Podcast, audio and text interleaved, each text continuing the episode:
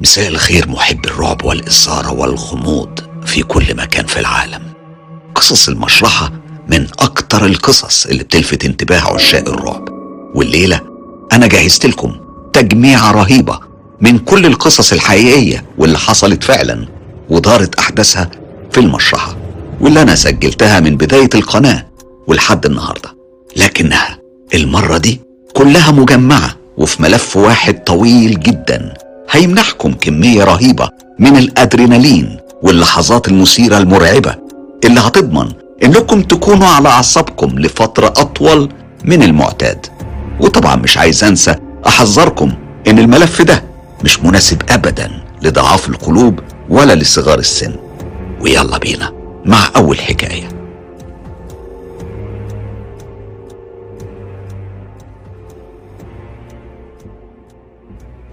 سنة 1990 كنت بشتغل في مشرحة في منطقة نائية في مناطق البحيرات في بريطانيا. هناك في مناطق جبلية وغابات كتير وأغلب الجثث اللي كانت بتوصلنا كانت بتكون نتيجة حوادث هجوم حيوانات وقوع من فوق المناطق الجبلية أو تجمد من كتر البرد في فترات الشتاء. كانت وظيفة مملة مرهقة ومش مجزية لكن بالنسبة لي كانت وظيفة والسلام. خصوصا وإن في الفترة دي من عمري كان عندي مشاكل كتير قوي مع الشرطة وكنت حابب أشتغل وأعيش بعيد عن المشاكل. لفترة طويلة كنت شغال لوحدي تماما ومعيش أي حد لكن بعد حوالي ست شهور كان انضم لي دكتور محلي من المنطقة. كان اسمه غريب شوية كان طويل الاسم. فهمت بعد كده إن هو من أصول أيسلندية من أيسلند. وعلشان أخلص من نطق اسمه الطويل أنا سميته بيتر. أما اليوم اللي حصلت فيه الواقعة دي ففاكره كويس. برغم السنين الطويلة اللي مرت عليها. عربيتي يوميها كانت عطلت وبيتر قال لي إني مشغلش بالي وإنه هيجي يوصلني المشرحة بعربيته. وفعلا عدى عليا وأخدني معاه على الطريق ورحنا سوا على المشرحة. هناك ما كانش فيه أي جثث في انتظارنا فدخلنا أوضة المكتب وقعدنا نلعب كوتشينة ونتفرج على التلفزيون الصغير الموجود في ركنة من الأوضة. وإحنا بنتفرج على التلفزيون جات لي نوبة كحة رهيبة وبدأت أتف بلغم على الأرض. وقتها بيتر بص لي وقال لي إيه القرف ده؟ أنت يا بني آدم مقرف. أتاريك وحداني ومحدش بيصاحبك ولا بيعبرك. أنا بصيت له وأنا بكح. قلت له أنا مش أنا مش لوحدي أنا عارف إنك معايا يا متخلف. بص لي تاني وقال معاك آه لفترة الشتاء مش أكتر. أنا ما هصدق إني أخلص من صحبتك دي. الأسلوب ده كان طريقة بيتر في التعبير عن مشاعره وده أسلوبه اللي أنا كنت متعايش معاه. بعدها قضينا شوية بنتكلم في حاجات تانية مختلفة وقمت عملت قهوة وقعدنا كل واحد بيشرب قهوته وسرحان في العالم بتاعه. التليفون ضرب. رديت لقيت إنه اسم الشرطة بيبلغنا بوصول جثة. أنا قمت بلغت بيتر وبدأنا نجهز المكان. شغلت الإضاءة بتاع أوضة التشريح وبيتر طلع أدوات التشريح وجهز الترابيزة. لما شفنا نور عربية الإسعاف جاي في اتجاهنا فتحنا الباب الخلفي للجراج وهو ده المكان اللي كنا بنستلم منه الجثث. وصلت العربية ومضينا كل الأوراق المطلوبة. الأوراق كانت بتقول إن الضحية كان ذكر لكن مش محددين سنه. شكله كان يجيب أي حاجة بين 30 أو 50 سنة حسب كلام المحضر. المحضر كمان بيقول إن الجثة تم اكتشافها في بدروم محل أنتيكات قديمة واللي اكتشفه كان راجل ومراته أصحاب المحل. أما أسباب الوفاة فمش معروفة. وقتها أنا وبيتر لبسنا الجوانتيات وجهزنا المسرح للتشريح بشكل مباشر وبدون انتظار. أنا كنت بظبط الإضاءة على الجثة في الوقت اللي كان بيتر بيسحب الملاية من على الجثة علشان يكشفها. وهنا سمعت بيتر بيشهق شهقة رهيبة. أنا لفيت أبص أشوف فيه إيه اللي خلاه يشهق بالشكل ده. وقتها شفت اللي خلاني أفهم سر شهقة بيتر. الجثة كانت لراجل منزوع الشعر بالكامل يعني مفيش عليه أي شعر من أي نوع ولا حواجب ولا دقن ولا رجل ولا شعر راس لدرجة إني شكيت إنه مقلب وإنه مش بني آدم لكنه دمية بلاستيك. وعشان كده بدأت أضغط على الجثة عشان أتأكد إنه حقيقي لكنه كان حقيقي. طوله كان حوالي 180 سنتي. أما أسنانه كان لونها رصاصي كلها كانت باللون الرصاصي. طبعا أسنانه كانت أكتر حاجة لاحظتها لأن بقه كان مفتوح وشفايفه وخده شبه مقطوعين ومايلين على جنب كاشفين لسته المريضة وصف أسنانه بالكامل. كانت أسنان غريبة عمري ما شفت كده في حياتي. عينيه كانت مش موجودة في مكانها. فتحات العينين كانت فارغة وكان مكانها كله سواد. كانت وكأنها حد بيبرق بس لحسن الحظ كانت بتبص في اتجاه السقف. لما بيتر بدأ يختبر مكان العينين كان واضح تماما إن مفيش أي مؤشر إن العينين تم إزالتهم بعنف أو بشكل عنيف. بالعكس ده لو كان في عينين أصلا فأكيد اتشالوا بجراحة دقيقة للغاية. ولو إن المنظر كان بيوحي إن ما كانش فيه عينين أساسا في مكان العينين. ودي كانت فكرة على قد ما تبدو جنونية ورهيبة إلا إنها كانت أقرب للحقيقة بكتير برغم غرابتها الشديدة. واللي كان بيأكد المعنى ده إن باقي الوش كان واضح إنه تعرض لهجوم عنيف. هو اللي تسبب في التهتك الرهيب اللي حصل في أنسجة الشفايف والخدين. طبعا المنظر الكلي كان مرعب ومخيف.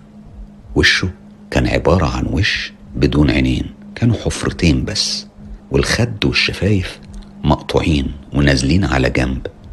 وصف أسنان رصاصي ظاهر بوضوح واللثة منتفخة وحمرة مشهد مريع. بيتر بدأ يمسك أنسجة الخد وأنا كنت بسأله تفتكر القطع ده حصل إزاي؟ كانت حادثة ولا اتقطع عن عمد وبعنف؟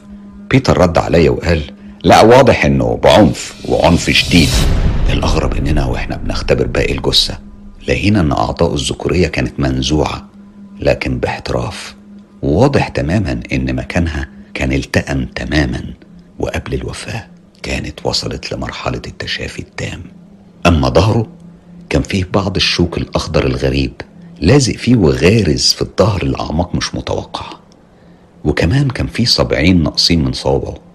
المدهش كان إن التيبس للجثة كان متمكن منها تماما. فما كناش قادرين نحرك أي طرف من أطرافه إلا لما نقلب جسمه كله علشان نعرف نحرك الطرف المطلوب. فكرة إنه كان متيبس زي التمثال الرخام كانت مش منطقية بالمرة. السبب إن حرارة جسمه الداخلية كانت مؤشر إنه ميت من حوالي ست ساعات بس مش أكتر. بيتر قال لي اتأكد كده هم لقوا الجثة دي فين. أنا بصيت في ورق المحضر وقلت له بدروم محل أنتيكات وبالتحديد اللي لقاه كان أصحاب المحل. وحسب المكتوب هنا بيقولوا لقوه ورا كنبة قديمة مرمية في البدروم وما كانش فيه أي أثر لاقتحام المكان بالقوة. قلت لبيتر عندك أي فكرة إزاي وصل للحالة دي؟ بيتر بص لي ووشه كان واضح عليه التأثر الشديد وقال يمكن كان مسكون هناك ومتخدر بص تعال نفتحه ونختبر الأجزاء اللي جواه. وبالفعل بدأنا التشريح وخلال ساعتين كنا عملنا قطع على شكل حرف الواي الإنجليزي وطلعنا أجزاءه الداخلية بالكامل.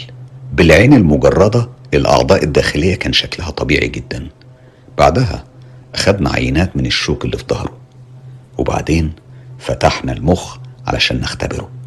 بعد الاختبارات الأولية اكتشفنا إنه بخلاف القطع اللي في وشه والإزالة اللي تمت لأعضاء الذكورية باقي الأعضاء والجسم. كان طبيعي بنسبة مية في المية ومفهوش أي مشاكل على الإطلاق.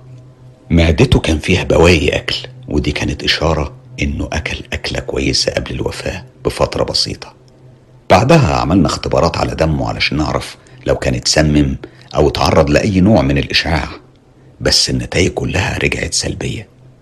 أنا تهت تماما وما كنتش فاهم اللغز ده فبصيت لبيتر على اعتبار إنه هو الخبير. لقيته مكتف دراعاته على صدره وبإيده عمال يفرك في دقنه. الجثة كانت قدامه وهو سرحان في عالم تاني بيحاول يحل المعادلة واللغز. بيتر كان من الناس اللي ممكن ما تنامش أيام لحد ما يلاقي حل للغز أو المعادلة. أما أنا فكنت بشتغل عشان المرتب ولا يفرق معايا أي حاجة. إن شاء الله مع إنها اتحلت. أنا كنت مقتنع إن إحنا عملنا اللي علينا من كل الاختبارات والفحوصات. وكنت شايف إن لحد كده كفاية قوي وعلى قد فلوسهم. كمان أنا كنت اتخنقت من منظره المقرف فقلت لبيتر مش كفاية كده ولا إيه؟ لقيته بيبص لي بصة معناها أنا لسه مش مقتنع وما خلصتش. أما أنا فكنت تعبان وزوري تعبني من الكحة وكنت عارف إن لسه قدامنا على الأقل ساعة كمان لحد ما نخيطه ونقفله تاني زي ما فتحناه. كل اللي كنت عايزه إني أروح وأنام لكن للأسف كنت عارف إني مش هعرف أروح في أي حتة. إلا لما بيتر يخلص لأنه هو اللي كان هيوصلني بعربيته. أنا قعدت أكلمه وأقنعه يفكوا من الموضوع ده وإن أنا هكلم المركز الرئيسي وأخليهم يبعتوا طبيب شرعي محترف يجي يساعدنا بكرة في حل اللغز. بيتر في النهاية وافق بامتعاض وبدأنا ننظف المكان وخيطنا الجثة وحطيناها في تلاجة مفتوحة ورحنا اتغسلنا وطفينا النور ورجعنا على باقي الأوراق وبعدها بدأنا نقفل المبنى. بعد ما اتأكدنا إن كل حاجة تمام هنا بيتر قال لي استنى أنا مش لاقي نضارة السواقة ما بعرفش أسوق من غيرها. وبدأ يدور عليها في الإدراج الجو بره كان تحت الصفر وأنا كنت اتخنقت وعايز أمشي. وقتها سمعت صوت غريب جاي من جوه المعمل. صوت زي ما يكون حد بيخبط على صينية حديد بإيد معلقة. أنا ترددت اللحظة وبعدين أخدت في بعضي ودخلت المعمل تاني. كنت بكح وأنا بنور النور لكن بمجرد ما نورت النور الصوت وقف في لحظتها أنا حسيت إني عايز أهرب من هنا. أنا ما كنتش حابب اللي بيحصل لكن صوت جوايا كان بيقول لي أروح أكشف على الجثة وأتأكد إن كل حاجة تمام. وفعلا رحت وفتحت باب التلاجة وبصيت جوه. ما كانش فيه أي حاجة ظاهرة فشديت الجثة لبره شوية وبصيت للوهلة الأولى ما كانش فيه أي حاجة مش طبيعية. وهنا لاحظت انعكاس للإضاءة على حاجة جوه مع الجثة. وقتها فهمت. دي كانت نضارة بيتر موجودة في إيد الجثة وقبض عليها ومتربسة. كل اللي فاكره إني قلت في نفسي مش ممكن. إزاي ده؟ وبدون تفكير مديت إيدي جوه علشان أخلص النضاره من إيد الجثة. ووقتها حسيت بالألم. كان ألم خيالي صعب يتوصف. ألم ما حسيتش زيه في حياتي كلها. وصرخت بصوت عالي جدا. بيتر جه جري من بره. كان عامل زي الدبة الأم اللي جاية تنقذ واحد من ولادها.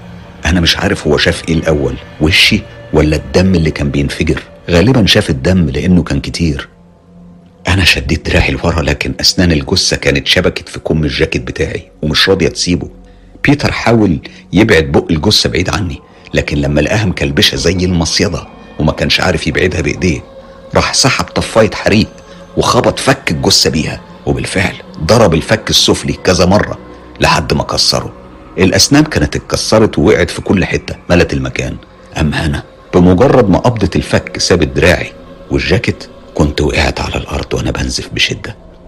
بيتر جه جري عليا ولف دراعي بحزامه علشان يمنع النزيف وسحبني بره الأوضة.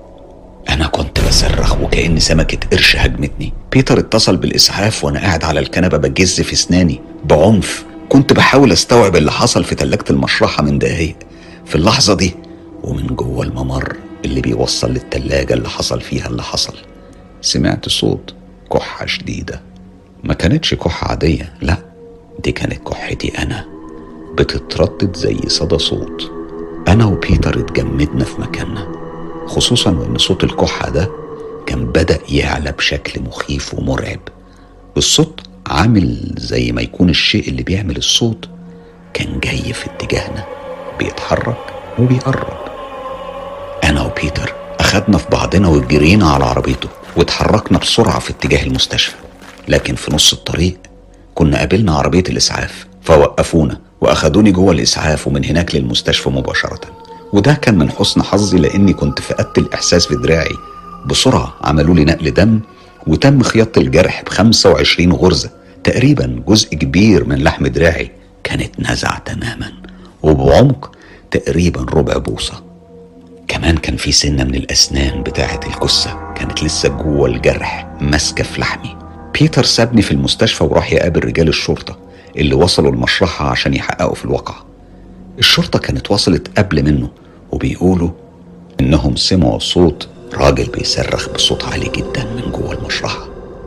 ولما دخلوا يشوفوا فيه إيه اكتشفوا الجثة مرمية في الطرقة قرب مدخل المشرحة. الفك مدلدل والصدر فيه فتحة بحجم كف الإيد شكلها دائري. كأن في حاجة كانت محبوسة جوه.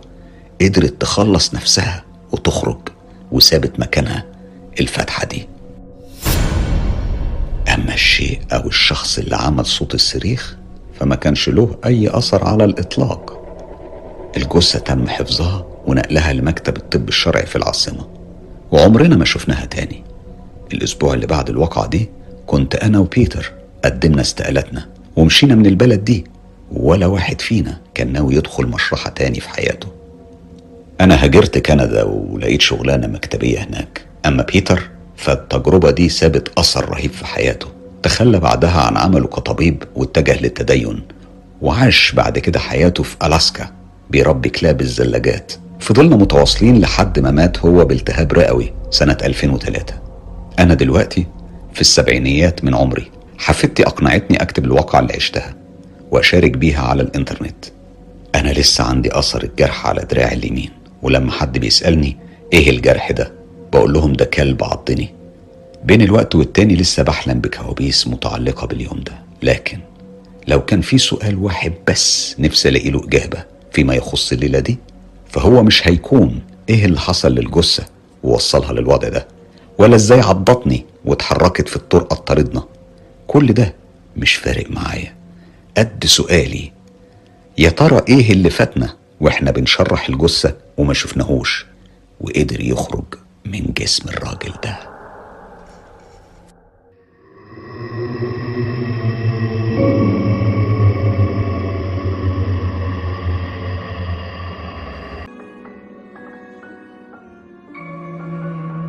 أنا بصراحة ما كنتش مخططة أحكي القصة دي لأي حد.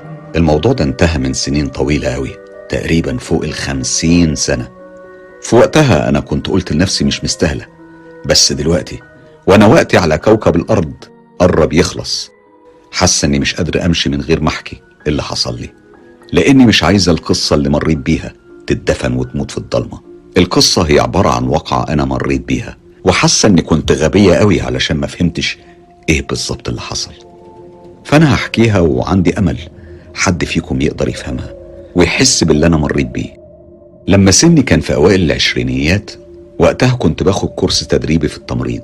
الموضوع ما كانش سهل وكان مكلف جدا فاضطريت أشتغل كام شغلانة في المستشفى علشان أغطي مصاريفي.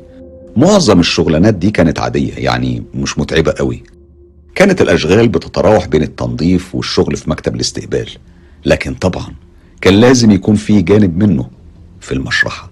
أنا ما حبيتش الشغل في المشرحة. بصراحة أنا ما أعرفش كام واحدة قبل مني حبت الشغل هناك. لكن الأجر كان ممتاز. والأعمال المطلوبة فيها كانت قليلة بالمقارنة بالأشغال اللي كنت بعملها في أماكن تانية في المستشفى. كل المطلوب كان إني أنظف المكان وأخلي بالي من المشرحة لو مفيش دكاترة موجودين. وده في العادة ما كانش بيحصل إلا بالليل متأخر ما بين الوقت والتاني. كان بينطلب مني أساعد في نقل جثة بس ده ما كانش حاجة بتضايقني قوي أنا كنت بقضي الليل في المشرحة حوالي ثلاث أو أربع مرات في الأسبوع. فكنت بنظف المكان وبعدين أقعد أذاكر. طبعا كنت بخلي المكان منظم وعلى سنجة عشرة زي ما الممرضات بيحبوا يقولوا. هو الشغل فيها ما كانش متعب خالص بس أنا ما كنتش بحبه. المشرحة كانت في البدروم وعلشان أوصل لها كان لازم أمشي ممر طويل قوي. إضاءته ضعيفة جدا. جايز تفكر إن الشغل في المشرحة هيفكرك بالموت. طبعا الكلام ده ممكن يكون صح لحد كبير. بس ده ما كانش كل حاجة. المكان كله كان دايما بيحسسك بالموت. فبجانب العدد الكبير من الجثث الموجودة فيه أنا عمري ما ارتحت لوجودي فيه. أنا كنت بحس إن جالي هوس. ليلة واحدة أثبتت لي إن الموضوع أكتر من كده. أنا لسه فاكرة إنه كان يوم خميس. معرفش ليه دايما اليوم ده محفور قوي كده في بالي لكن هو كده. كان يوم خميس. وكنت لوحدي تحت في المشرحة. الليلة كانت هادية نسبيا. ما كانش فيه غير جثة واحدة اللي جابوها. أنا فاكرة الدكتور اللي جاب الجثة ونزل بيها تحت. كان شكله متوتر بزيادة. ولما سألته عن السبب لقيته بيقول الراجل ده لما جالي كان كله تمام ومفهوش أي حاجة. لكنه ما بطلش زعيق وصريخ.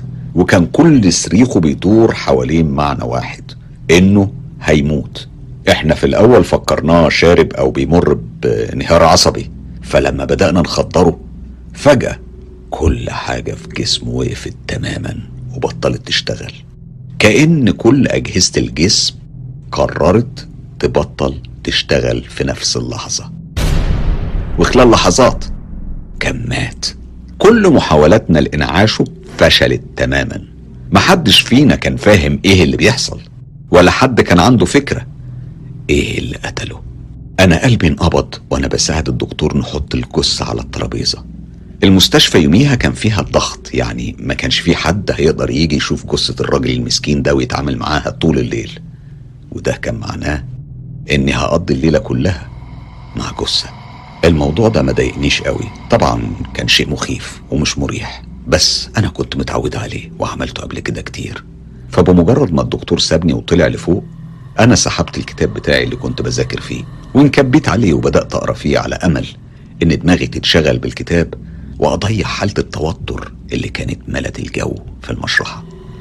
هنا لقيت نفسي بتمنى لو كان في أي حاجة أعملها أي حاجة تتنظف مثلا المكان يكون مثلا محتاج تنظيف لكن الحقيقة المكان كان بيبرق ومش محتاج حاجة خالص.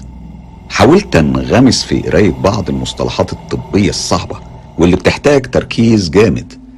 لكن لسبب مش محدد في الليلة دي كنت لاقي الوضع صعب جدا جدا ومش مريح. يجوز كان حدث المرأة أو يمكن كان أكتر من كده. أنا كنت قادر أحدد إن في إحساس إن حاجة غريبة هتحصل في المشرحة الليلة دي. أنا عارفة إنه أكليشيه نموذجي ومتكرر لكن اللي حصل حصل فعلا بعد نص الليل. الموضوع بدأ بإن الكهرباء انقطعت فجأة والإنذار الوحيد اللي وصلني كان رعشة لمبة المشرحة ثواني قبل ما الكهرباء كلها تقطع وتفصل تماما. الصمت اللي حصل بعدها وساد المكان ما كانش بيقطعه غير خروشة صوت اللمبة وهي بتبرد. يا نهار أسود! وإيه دلوقتي؟ أنا كنت قاعد على المكتب في نفس المكان اللي الدكاترة بيقعدوا فيه لما بيملوا فيه البيانات بعد التشريح. فسرحت بإيدي على المكتب كنت بحسس بحاول أوصل للأدراج علشان أدور على كشاف. وفي الوقت نفسه كنت بطرد من تفكيري فكرة إن في جثة معايا قاعدة مستنية في الضلمة. كنت بتمتم وبقول يا ربنا دي مجرد جثة يعني ما تقدرش تضرك إجمادي مال. كنت بدور في الدرج التالت على الشمال لما الكهرباء رجعت تاني. لكن بجنب عيني كنت لمحت حاجة غريبة. نفسي اتحبس في زوري لأن في مكان ما في عقلي كنت شفت اللي يكفي عشان يخليني أفهم إيه ده اللي أنا شفته. بس بقيتي كانت لسه ما استوعبتش ولا فهمت حاجة لسه. وأنا في عز الصراع الداخلي ده اتحركت ببطء شديد ولفيت علشان أبص على الترابيزة. الجثة كانت قاعدة بوضعية الجلوس على الترابيزة. أول حاجة جت في بالي طبعا كانت إنها مش جثة من أساسه. الدكتور كان قال إن الراجل ده مات فجأة فأكيد في غلطة. بس في الوقت نفسه إحساس داخلي كان مسيطر عليا. خلاني مجريش على الراجل أشوف فيه إيه. الراجل ما كانش بيتنفس. جسمه كان ممكن يكون تمثال من كتر ما كان ثابت في مكانه وما بيتحركش ولا حتى همسة. أنا حاولت أقنع نفسي إنه أكيد بيتنفس وإن أنا اللي مش شايفاه علشان كنت قاعدة بعيد عنه. بس أنا ما كنتش مقتنع. حاولت أجبر نفسي إني أقوم وأروح وأقرب منه بس ما قدرتش. فجأة راسه اتلوحت في اتجاهي. أنا ما شفتهاش لما عملت كده. أنا بس رمشت وفي الجزء ده من الثانية وضع راسه كان اتغير واللي صعب الأمور قوي وخلاها مريبة جدا ومخيفة ومرعبة. إنه كان من المفترض يكون مستحيل إنه يلف راسه بالشكل ده. لسبب بسيط. أنا كنت قاعدة بشكل عمودي ورا ظهر الجثة دي أو الراجل ده والراس البشرية عمرها ما بتلف ورا قوي بالشكل ده إلا لو كانت الرقبة نفسها مكسورة أو متدمرة. بس ده اللي حصل. وعينيه كانت متثبتة عليا تماما. وهي دي اللحظة اللي أخدت بالي فيها من عينيه. كانوا مش موجودين كان مكانهم حفرتين وبس. لكنهم ومع ذلك كانوا بيبحلقوا لي. أنا كنت متأكدة إنهم لما جابوا الجثة هنا كان فيها عينين لكن خلاص الموضوع ده ما عادش مهم لأنهم في اللحظة دي كانوا اختفوا. أنا رمشت. المرة دي الجثة كانت قاعدة ورجليها مدلدلة على جنب الترابيزة وكانت الرجلين بتتمرجح في مكانها زي رجلين العروسة القماش. وفي حركتهم المرعبة لقيت نفسي بصرخ بعلو صوتي وأنا بجري على باب المشرحة بكل سرعتي. فاكر الممر الضيق اللي قطعته معتمة اللي حكيت لك عليه في بداية القصة؟ أقصد الممر اللي كان لازم أمشي فيه علشان أوصل للمشرحة. الممر ده وأنا طالعة علشان أجري فيه اتفاجئت إنه مليان جثث. كان واضح تماما إنهم مش بيتنفسوا كمان. بشكل مؤكد كانوا كلهم من غير عينين. لكنهم كلهم كانوا بيبحلقوا لي أنا كنت على وشك اتجمد في مكاني من الرعب لأني حسيت إني محبوسة بين اختيارين للموت. كنت في حالة ذعر تام من إني أخرج أجري في الممر فيهجموا عليا زي طيور العالم السفلي من الجوارح ويخلعوا عينيا من مكانها وفي الوقت نفسه وفي مكان ما في أعماق ذهني. كنت عارفة إن الجثة التانية كانت بتقرب مني. وهنا عملت الغلطة. لفيت وبصيت ورايا. وبالفعل الجثة كانت على بعد أقل من 30 سنتي مني. العينين أو مكان العينين كان مركز معايا تماما. بق الجثة كان مفتوح على آخره وهنا حسيت بفايبريشن واهتزاز شديد من الجثة بيهز الأرض تحت مني. وببطء شديد كان في خيط رفيع من الدم نازل من جنب الفم. جسمي أخد القرار قبل مخي. وجريت. جريت وجريت وجريت لحد ما خرجت بره المستشفى خالص. الممرضة المقيمة اللي كانت قاعدة في الاستقبال حاولت توقفني علشان تفهم في إيه بس أنا ما كانش فيه قوة على الأرض ممكن توقفني ساعتها ابدا. أنا جريت تقريبا على بعد ثلاث مباني مخصصة لسكن العاملين من مكان المستشفى. ودخلت آخر مبنى فيهم وهناك وقعت على الأرض من كتر التعب والخوف والرعب. وفزعت الأخت روزا اللي كانت مهمتها إنها تراقب البوابات في الليلة دي. الأخت روزا كانت راهبة شديدة قوي بس في نفس الوقت كانت طيبة القلب. هي كانت عارفة إني كان من المفترض أكون في المشرحة لحد الساعة 4 الفجر. فكانت بتستعد عشان تهزقني لحد ما شافت وشي. أنا مش عارفة هي شافت إيه بالظبط في تعبيرات وشي لكنها ما عاقبتنيش ولا حتى سألتني إيه اللي حصل. كل اللي عملته إنها كلمت المستشفى وطلبت منهم ينزلوا حد المشرحة مكاني. لما خلصت الكلام في التليفون والتفتت لي لقتني بعيط عياط رهيب. الذعر كان لقى متنفس في دموعي وهي حاطة دراعها حواليا وضمتني وقالت لي شش شش ما تقلقيش خالص أنت مش هترجعي المكان ده تاني. وبالفعل وعلى مدار السنين اللي اشتغلتها كممرضة عمري أبدا ما قربت من المشرحة دي أو أي مشرحة تانية. وبسبب اللي حصل في الليلة الغريبة والمرعبة دي أنا بقيت متعودة على الموت والألم والحاجات دي. ما عادتش بتخوفني. غالبا قلبي مات ليلتها. الحاجة الوحيدة اللي بتخوفني بجد هي الحاجات اللي بتحصل بعد الوفاة بساعات قليلة. وهي دي الحاجات اللي مش عايز أعرف عنها حاجة أبداً. الحكاية دي من الحكايات اللي وقفت عندها كتير مش بس لأنها مخيفة لا لأن فيها معاني مهمة كتير. شامل ت دال عمره 35 سنة وبيحكي لنا القصة دي عن تجربته مع الأشباح لكن في عنبر مرضى السرطان في مستشفى من مستشفيات بورسعيد. شامل بيحكي اللي حصل له وبيقول طول عمري بحب أساعد الناس وبحب أكون جنبهم في المحن والأوقات الصعبة. وعلشان كده لما عرفت إن تعييني جه في عنبر السرطان انبسطت جدا. مع شغلي في العنبر اتعلمت حاجات كتير بس أكتر حاجة لاحظتها إن نزلاء العنبر كلهم صورة من بعض مش في الشكل طبعا لكن في الظروف اللي وصلتهم هنا.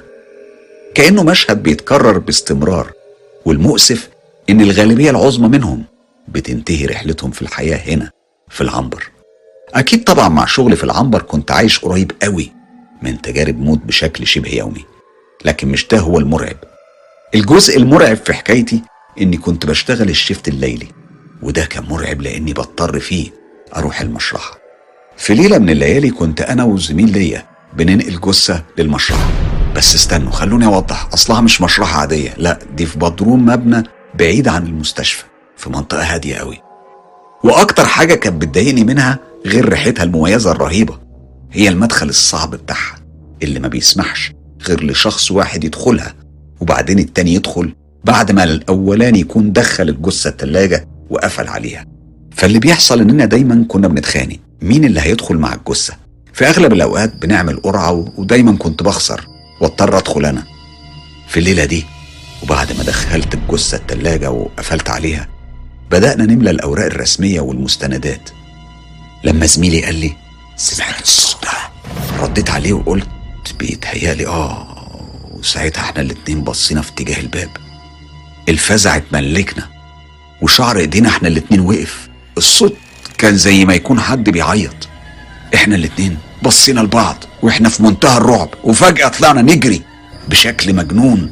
زميلي سألني أنت بجد سمعت اللي أنا سمعته؟ أنا بصراحة سمعت حاجة بس مش فاهمها قوي. بعدها بكام يوم سألت ممرضة بتشتغل معانا في العنبر عن المشرحة والحاجات الغريبة اللي بتحصل. قالت لي إن ليها تجارب مش تجربة واحدة ووعدتني تساعدني لو حصل أي حاجة جديدة. بصوا الحكاية دي مش تأليف دي حقيقية. وحصلت بجد. أنا من اليوم ده بطلت أروح المشرحة لوحدي. ومش بس كده ده أنا لما بقدر أخلع من المشوار ده بخلع على طول. الحاجة الغريبة اللي لفت نظري إن الحاجة سعدية رئيسة التمريض دايما بتقول لما حد يموت من العيانين ضروري تفتحوا الشبابيك. علشان الروح تعرف تطلع وما تفضلش محبوسة.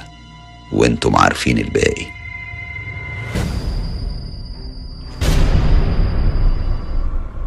الدنيا بقت صغيرة. العالم اليومين دول كله أصبح عبارة عن قرية صغيرة. الكل متصل ببعضه عن طريق الشبكة العنكبوتية بشكل غريب.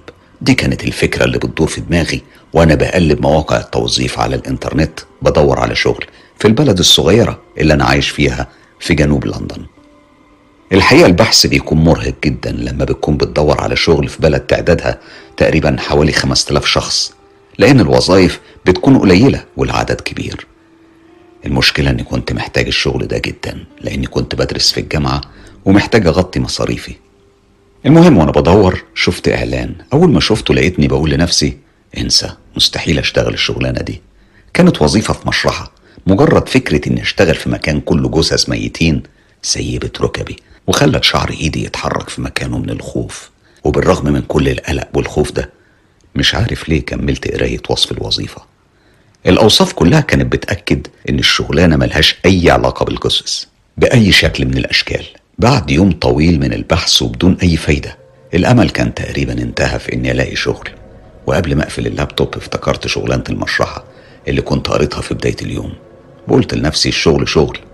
مفيش حاجة اسمها شغل حلو وشغل وحش. وبعدين انت هتتأمر. المهم أنا أخدت بيانات المكان ورقم التليفون وتاني يوم كلمتهم. رد عليا واحد بيتهيألي إنه كان مدير المكان. لقيته بيرحب بيا جدا وأصر إني أروح له في نفس اليوم وأتعرف على المكان.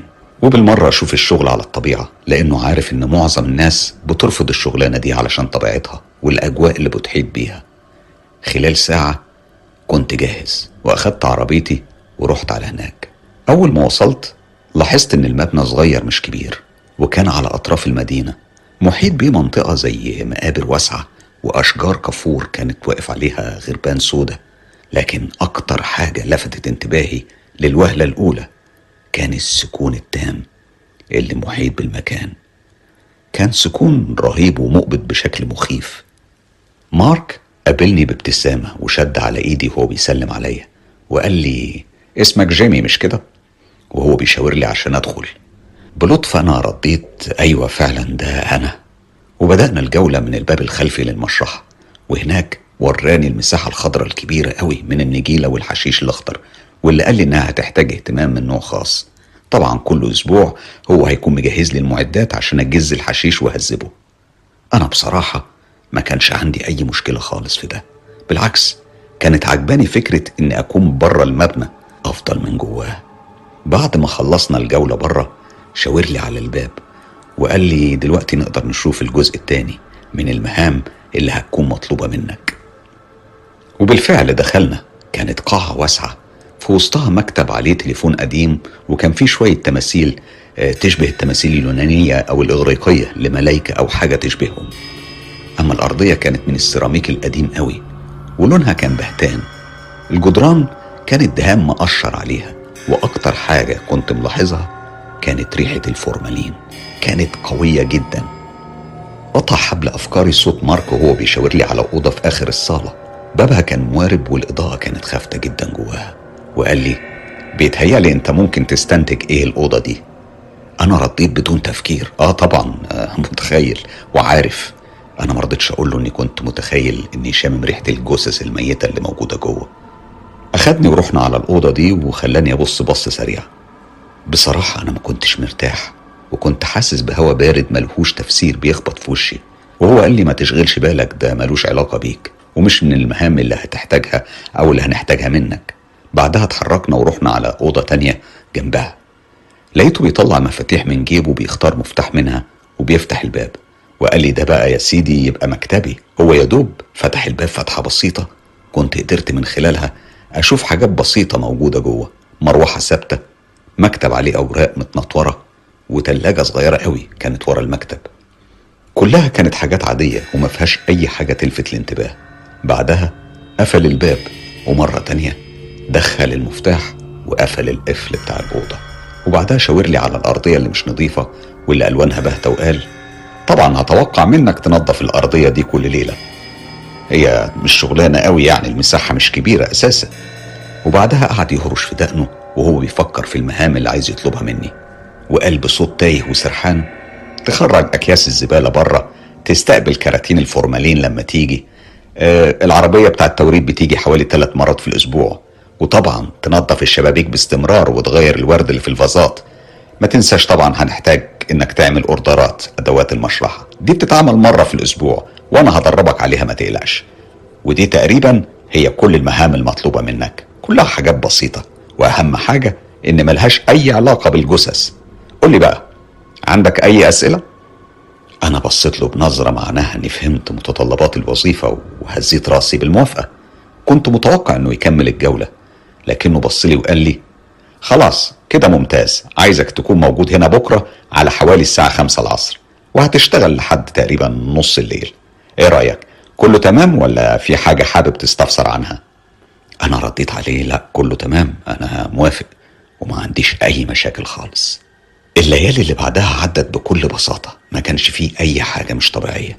كنت بروح وأوضب الدنيا مكان اللي كان بيحصل هنا طول النهار. بكنس المنطقة قدام المبنى بهذب النجيلة والحشيش اللي في الجنينة وكل المهام اللي كانت مطلوبة مني. ومع الوقت كان الموضوع بالنسبة لي بقى سهل جدا وبقيت بخلص كل اللي ورايا قبل ميعاد نهاية الشفت بحوالي ساعتين أو أكتر. فكنت بقضي الوقت الباقي على الموبايل أو بتفرج على التلفزيون الموجود في الصالة الأمامية للمبنى. هو ما كانش بيبقى عنده أي مشاكل وما أبداش أي مانع. هو كان أغلب الوقت أصلا بيبقى قاعد في مكتبه وقافل الباب عليه وما بيخرجش إلا لما جثة جديدة بتوصل. كان بيخرج يستلمها. أنا فاكر أول مرة شفت جثة فيها. مارك كان بيطلع يتكلم مع ضباط البوليس ويقعدوا يقلبوا في الجثة ويتفحصوا فيها ويكتبوا التقرير المبدئي بتاعهم. وبعدها مارك بياخد الجثة للأوضة اللي إضاءتها خافتة وبيدخلها جوه الحيطة وبتختفي بعدها. في أغلب الأوقات اليوم اللي بعده كانت بتتم عملية تشريح احترافية للجثة عن طريق الطبيب الشرعي. وأحيانا مارك نفسه كان هو اللي بيشرح. أنا اشتغلت هناك كام أسبوع وفي الوقت ده لاحظت إن مارك كان بالرغم من كل الأجواء المحيطة بيه إلا إنه كان شخصية لطيفة وتحس إنه ابن بلد وجدع. كان دايما بيشتري لي تيك أواي من محل جنبنا لما كان بيروح يشتري لنفسه وكان دايما يدردش معايا ويشتكي لي من العمالة بتاعت الأيام دي وإن أغلب اللي اشتغلوا هنا في وظيفتي سابوا الشغل لأنهم هينقلوا البلد تانية بعيدة أو لأنهم مش عاجبهم الشغل فبيستقيلوا. كنت بحس من نبرة صوته إنه حاسس بالوحدة وإن ما عندوش حد في حياته خالص. في مرة قعدت اتغديت معاه والكلام بينا طال واتشعب في كل الاتجاهات وحسيت وقتها إن كميتنا واحدة وإننا متشابهين كتير بالرغم من إنه كان أكبر مني بحوالي يعني فوق ال 20 سنة تقريبا كان تقريبا عنده من 45 ل 50 سنة وشعره داخل عليه البياض في بعض المناطق. لكن كان واضح لون شعره الأصلي قبل ما يشيب كان لونه بني غامق. عينيه كانت حزينة قوي. بالرغم من إن صوته كان كله تفاؤل وأمل. مارك كان دايما بينظف مكتبه والأوضة اللي فيها تلاجة الجثث بنفسه. على حوالي الساعة 8 كل يوم كان دايما بيعمل الموضوع ده. أوضة حفظ الجثث كانت صغيرة فيها حوالي عشر تلاجات أو عشر فتحات في الحيطة اللي تعتبر تلاجات ودي هي اللي كان بيتحفظ فيها الجثث. كان دايما يمسح الأرضية واللي في أغلب الأوقات كانت بتكون نظيفة أساسا ومش محتاجة مسح. وساعات كنت أشوفه بيلمع إزاز الأوضة وبيمسح الباب اللي بيربط مكتبه بأوضة حفظ الجثث. لكن في أغلب الأوقات كان بيعمل كل ده في أقل من عشر دقايق وبيخرج من هناك على طول.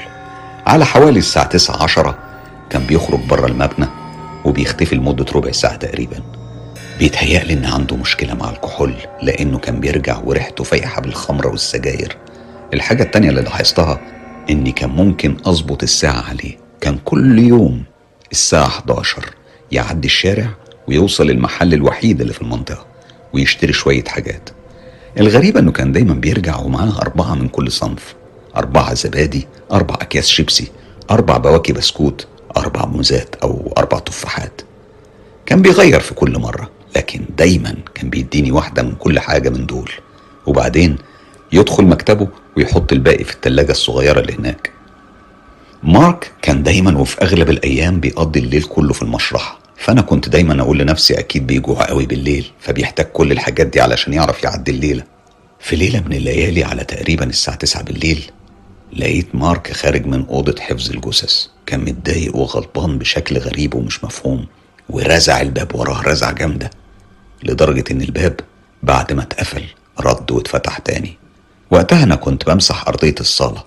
وبعد ما مارك خرج من المبنى وبسبب حب الفضول أنا اتسحبت وأخدت لي بصة جوه الأوضة اللي بابها كان متوارب. هنا لاحظت إن الأرض كانت وسخة قوي. بيتهيألي إن مارك وقع إزازة فورمالين على الأرض. الإزاز كان في كل حتة.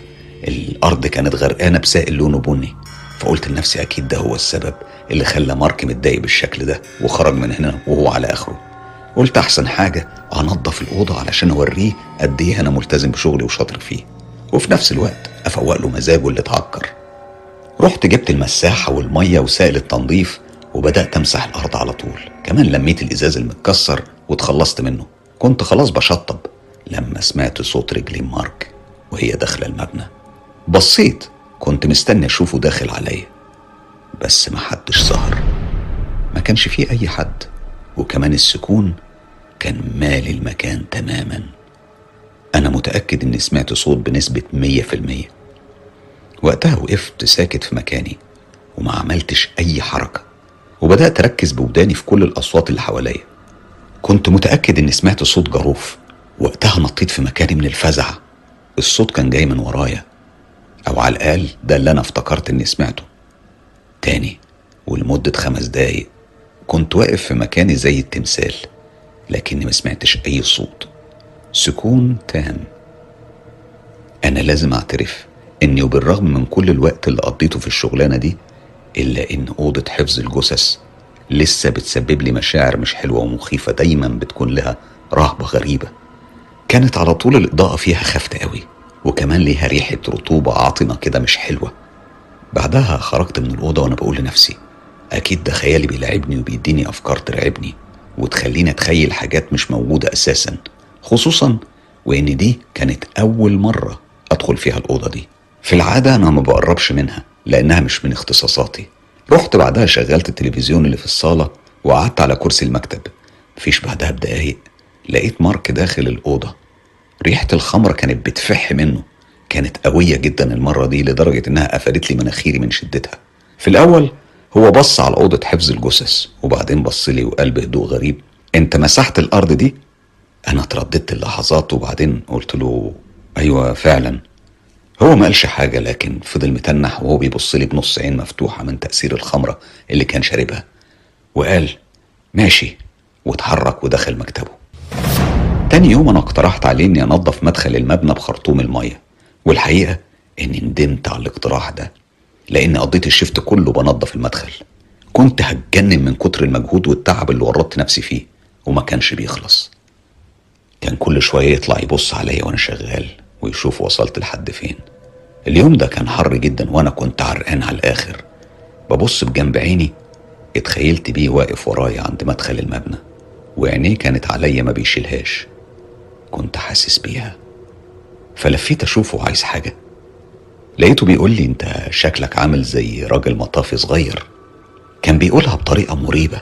أنا ما فهمتهاش وكان على وشه في ابتسامة مخيفة. ومش مريحة ابدا. قلت لنفسي ابن المجنون ده هو يقصد إيه؟ دي كانت أغرب حاجة قالها لي من يوم ما اشتغلت هنا. أنا بصراحة ما كنتش حابب أفكر في كلامه ده لأني عارف دماغي وخيالي ممكن يصور لي إيه خصوصا وإن المكان هنا مزرعة خصبة للخيال المرعب. وهو بيتكلم أنا كنت بتحرك فركبتي اتخبطت في ماسورة الصرف اللي كانت بحذا ظهر المبنى. أنا صرخت من كتر الوجع وكنت بشتم. مارك نزل جري علشان يساعدني ويحاول يوقفني على رجلي. وكان بيشرح لي إن آخر واحد اشتغل وظيفتي دي كان بيقول إنها تبقى فكرة حلوة اننا نحفر الحفرة دي هنا لأن الشتاء كان دايما بيغرق الجنينة كلها وبيسبب مشاكل. وقتها بيقول مارك أنا سميته عامل المنجم لأنه كان شبه عمال المناجم وهو بيحفر الحفرة قالها وهو بيضحك. أنا وقفت على رجلي وكملت الشغلانة اللي ورطت نفسي فيها. في الليلة دي مارك ورطني إني أروح أجيب الأكل بنفسي من المحل اللي على الجنب التاني من المنطقة اللي فيها المشرحة. كنت بكره المروح للمحل ده لأن الوقت كان ليل وبصراحة ما كنتش بحب المنطقة دي بالليل ابدا. المهم رحت جبت الأكل بسرعة ورجعت لكن وقتها لاحظت إن الكهرباء كانت مقطوعة عن المبنى. ده حتى أنوار عواميد الشوارع جنب المشرحة كانت مطفية. بصيت على المبنى من بره كان شكله كئيب وغامض وبعدها قربت من الباب الأمامي وناديت بصوت قلقان مارك مارك مارك. لكن ما كانش فيه أي استجابة. أنا بلعت ريقي ووقفت في مكاني وأنا مرعوب جدا. بعدها بحاجة بسيطة الكهرباء رجعت تاني. فبصيت جوه ما كانش فيه حد. باب أوضة حفظ الجثث كان مفتوح على الآخر. أنا اتسحبت بشويش وبصيت جوه الأوضة. وهنا لاحظت حاجة ما كنتش أخد بالي منها قبل كده. آخر فتحتين أو تلاجتين في طرف الحيطة من ناحية الشباك اللي في آخر الأوضة. كان عليهم أقفال عكس باقي الفتحات أو التلاجات. رعشة جرت في عروقي وأنا اتجمدت في مكاني. فجأة باب المشرحة اتفتح بشكل عنيف ولقيت مارك واقف بيبص عليا وهو متفاجئ إني واقف في نص الأوضة. أنا خرجت على طول ورحت على لوحة الكهرباء بعمل كأني بكشف على الفيوزات بتاع الكهرباء. وهو راح قفل باب أوضة حفظ الجثث وبعدها جه قال لي ما تشغلش بالك الكهرباء هنا بتقطع بدون أسباب فده عادي. أنا بصيت له بصة باين فيها إني مش مقتنع وقلت له ماشي. بعد على طول غير الموضوع وقال لي إنه محتاج يرجع مكتبه لإن في حاجات مهمة محتاج يراجعها وسابني ومشى. أنا كنت واقف في وسط الصالة محتار ومش فاهم هو في إيه؟ مرة تانية بصيت بصة سريعة على أوضة حفظ الجثث. كل شيء كان يبدو طبيعي. لكن المرة دي خدت بالي من حاجة ما كنتش لاحظتها قبل كده. كان في كاميرا مراقبة متركبة في الركن المواجهة لمدخل الأوضة. قلت لنفسي غريبة قوي دي. في اللحظة دي وبشكل مش متوقع مارك خرج من مكتبه وسألني أنت بتعمل إيه عندك؟ أنا لفيت وبصيت له وقلت ما فيش عادي يعني. بعدها كان في لحظة صمت رهيبة بينا إحنا الاتنين. لاحظت فيها إن عيون مارك كان فيها بصة زي ما يكون عايز يقول لي حاجة. وهنا لحقته بالسؤال هو صحيح ليه في كاميرا متركبة في أوضة حفظ الجثث؟ هي مش غريبة دي؟ صوتي كان بيرتعش وأنا بسأل وده كان واضح قوي. وقتها مارك خفف من حدة صوته وشرح لي إن واحد من اللي كانوا شغالين شغلتي هنا قبل كده كان عنده خبرة في الإلكترونيات ونظم الأمن والسلامة واقترح عليه إن ده أفضل مكان تتحط فيه الكاميرا. لأن المكان ده هيسمح للكاميرا تغطي الأوضة كلها وكمان الصالة اللي في مدخل المشرحة. وضحك وقال أنا كنت مسميه رجل الشرطة الخاص بيا لكن للأسف هو استقال من فترة وساب الشغل. بعدها مارك سابني ورجع مكتبه وقفل الباب وما شفتوش تاني بقية الليلة دي. قبل ما أمشي في نفس الليلة ووقتها كنا بقينا نص الليل. أنا رحت خبطت على باب مكتبه لكنه ما كانش بيرد. أنا كنت عايز أبلغه إني خلصت الشفت ومروح لكن لما ما ردش قلت خلاص براحته وخرجت من المبنى. ورحت على المكان اللي كنت راكن فيه عربيتي. قبل ما أركب مستعد أحلف إني شفت خياله في الإضاءة الخافتة بتاعة المكتب. كان بيبص عليا من ورا الستاير. هنا كان خيالي بدأ يشتغل بشكل جنوني بيصور لي سيناريوهات مخيفة جدا. لكن في النهاية أنا بعدت كل الأفكار المرعبة من دماغي. دورت العربية وبدأت رحلة العودة لبيتي. وأنا على الطريق وبعد حوالي ربع ساعة من ساعة ما اتحركت افتكرت إني نسيت محفظتي وتليفوني المحمول هناك في الدولاب المخصص ليا في المشرحة. بسرعة كانت رجلي على الفرامل وأنا بلعن اللحظة اللي نسيت فيها آخد حاجاتي وأنا ماشي. وقعدت ألوم نفسي إني بنسى كتير الأيام دي وإني لازم أركز أكتر من كده. أنا ما كنتش حابب فكرة الرجوع ابدا. لكن بعد حوالي 15 دقيقة تانيين كنت شايف مبنى المشرحة من على بعد. ما كانش فيه أي أنوار. المبنى كان مضلم بالكامل. وكمان أنوار الشارع كانت كلها مطفية وسودة بنفس لون السما فوقيها. شوية كنت واقف قدام المبنى ونزلت واتحركت في اتجاه الباب الأمامي. وبعدين قبل ما أفتح جات لي فكرة. فرجعت بره المدخل وقربت من إزاز أوضة من الأوض. قربت منها وبصيت جواها. الدنيا كانت كحل سواد قاتم مفيش أي أثر لأي حركة أو أي صوت مجرد سواد في سواد. وهنا مش بس قشعريرة ضربت أوصالي لا دي برودة كاملة غريبة كانت بتجري في عروقي بشكل رهيب. قلق ما بعده قلق إحساس كامل بالفزع الغير مفهوم أسبابه.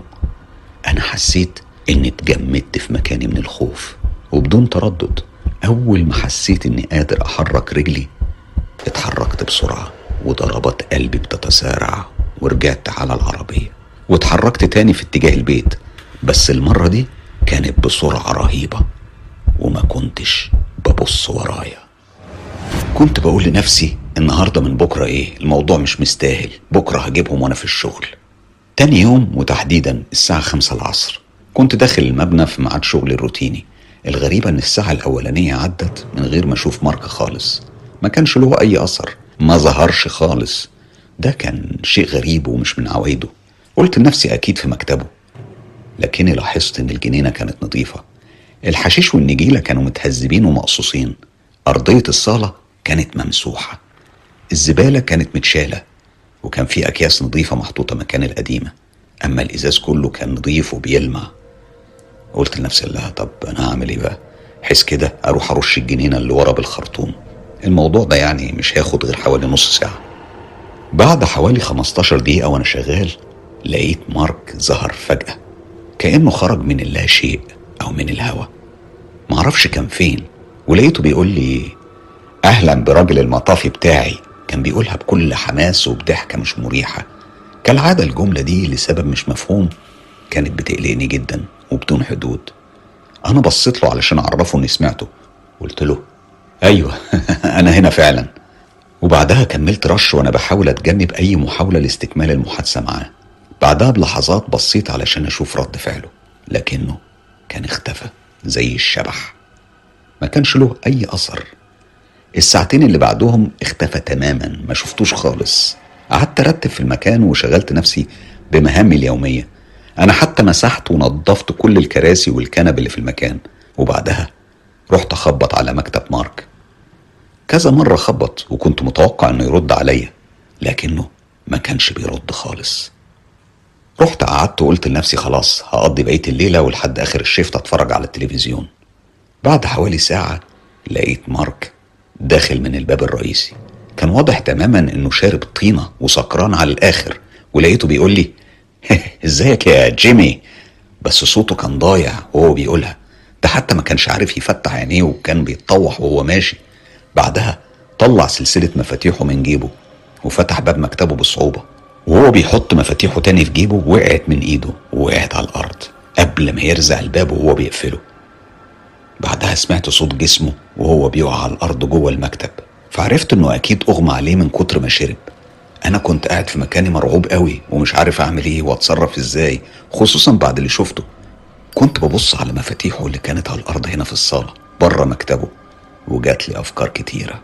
المهم أنا استنيت حوالي عشر دقايق وبعدين رحت لباب المكتب وبدأت أخبط عليه بالراحة. خبطت كذا مرة.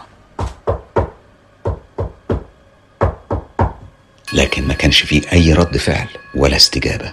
هنا بدأت أخبط بصوت عالي أقرب للرزع على الباب.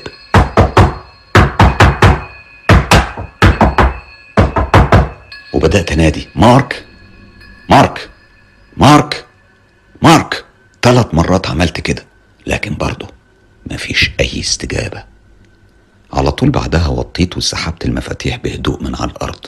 الفضول كان بيقتلني واتحركت في اتجاه أوضة حفظ الجثث وفتحت الباب.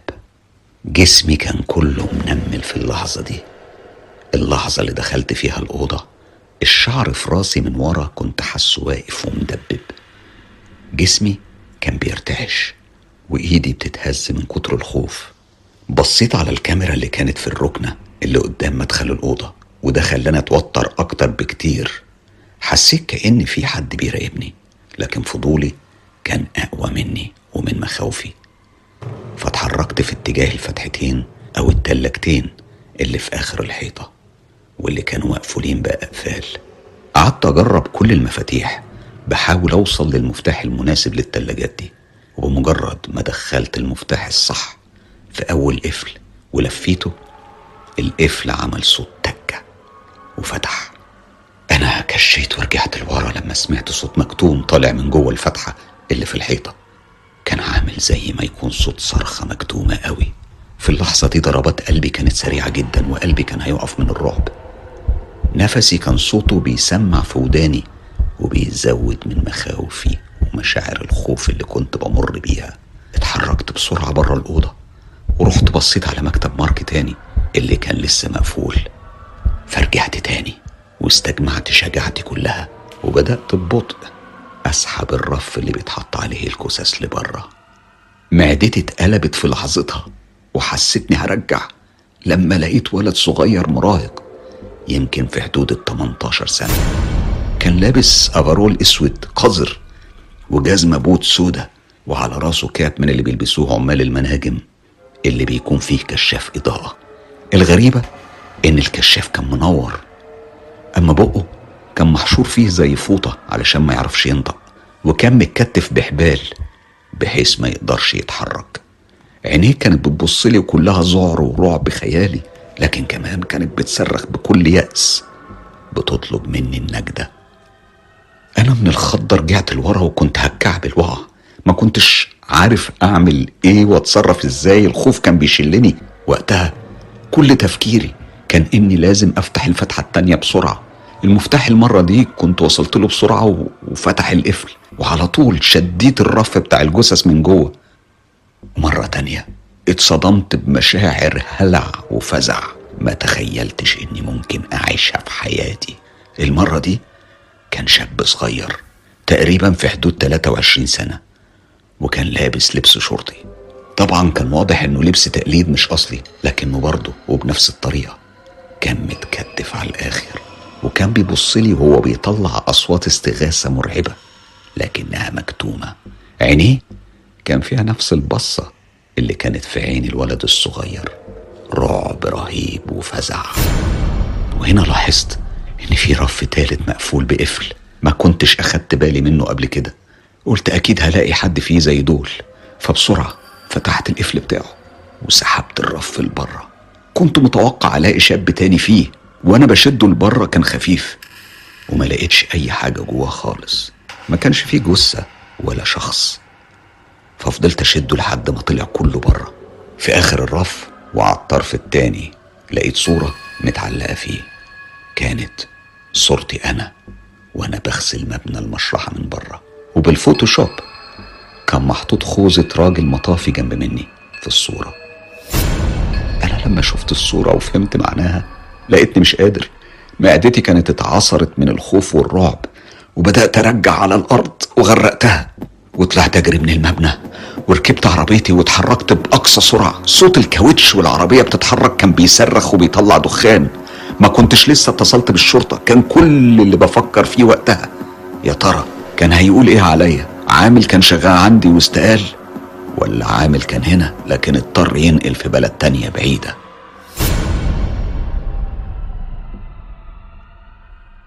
الشرطة في تحقيقاتها اكتشفوا إن مارك كان السبب ورا اختفاء عدد كبير من الشباب والبنات وإنه كان سفاح عنده هوس بالملابس الرسمية فكان بيحب يلبس ضحاياه لبس مهن مختلفة. أما أكتر شيء رعبني لما عرفت إن الجنينة الخلفية اللي كنت برشها كانت عبارة عن مقبرة كان فيها جثث الضحايا. بعد ما كان بيعذب فيهم كان بيخلص عليهم ويدفنهم فيها. وهنا افتكرت أيام لما كنت برشها بخرطوم المية وجملته اللي كان بيقولها لي أنت هتبقى راجل المطافي الصغير بتاعي. أنا بجد ربنا نجاني. يا ترى لو ما كانش الفضول خلاني أكتشف اللي اكتشفته كنت انتهيت في أنهي حفرة؟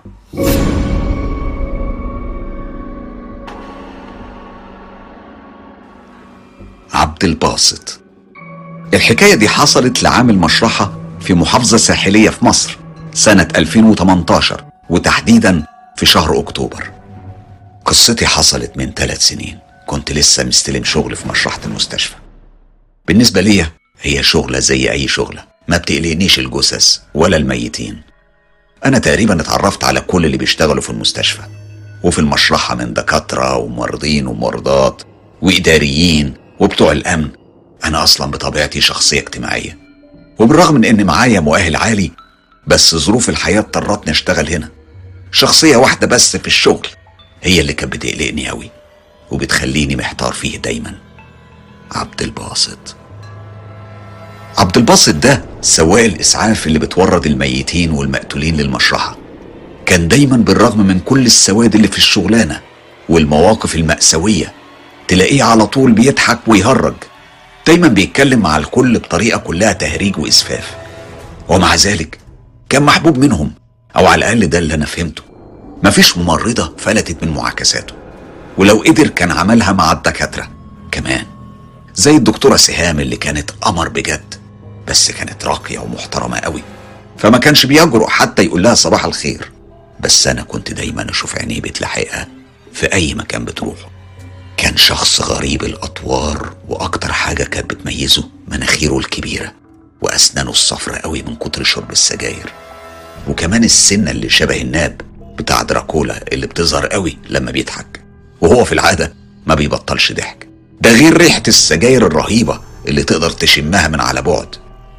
إيديه كان لابس فيها خاتم فضي مجعلص. بيقولوا إنه ورثه عن ابوه التربي اللي بيقول إنه لقاه في تربة قديمة كانت ما اتفتحتش من أكتر من خمسين سنة. المهم أنا وعبد الباسط دايما بنتقابل كل يوم بحكم الشغل. وهو بيورد الجثث أنا بستلم وأتعامل. وكان عبد الباسط ما عندوش أي مشكلة يقضيها تريقة على الجثة وطريقة موتها. ولو كانت واحدة ست اللي ماتت برضه ما عندوش مشكلة يقول نكتة سافلة عنها أو يعمل إيحاءات مش محترمة. من الآخر كان بني آدم غريب زي ما قلت لكم وبيسبب لي توتر في أغلب الأوقات. في الأول كنت بقول لنفسي هو أنا هشوفه قد إيه؟ يا دوب على التسليم. لكن الواقع كان غير كده. كان دايما لما يكون فاضي يجي المبنى ويفضل يلف في المكان كله. ولما كنت بسأل اللي شغالين عنه كانوا يقولوا لي عبد الباسط ده تاخده على عيبه هو كده. وللأسف ملناش غنى عنه. في يوم كنت شغال شفت متأخر ومعايا جثة بجهزها لطبيب التشريح الجنائي. فسمعت موبايلي بيضرب في المكتب رحت أجري عشان ألحقه. بعد ما خلصت المكالمة ورجعت كانت صدمتي خيالية. الجثة ما كانتش على ترابيزة التشريح. دي اختفت. دماغي بدأت تلف وسيناريوهات رهيبة بدأت تاكل دماغي.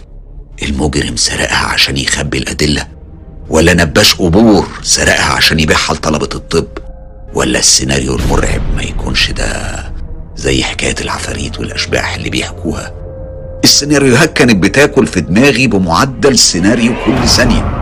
الرعب تملكني من الخوف من المسؤولية الرهيبة. ووقتها سمعت صوت زي سائل بيسقط من ورايا.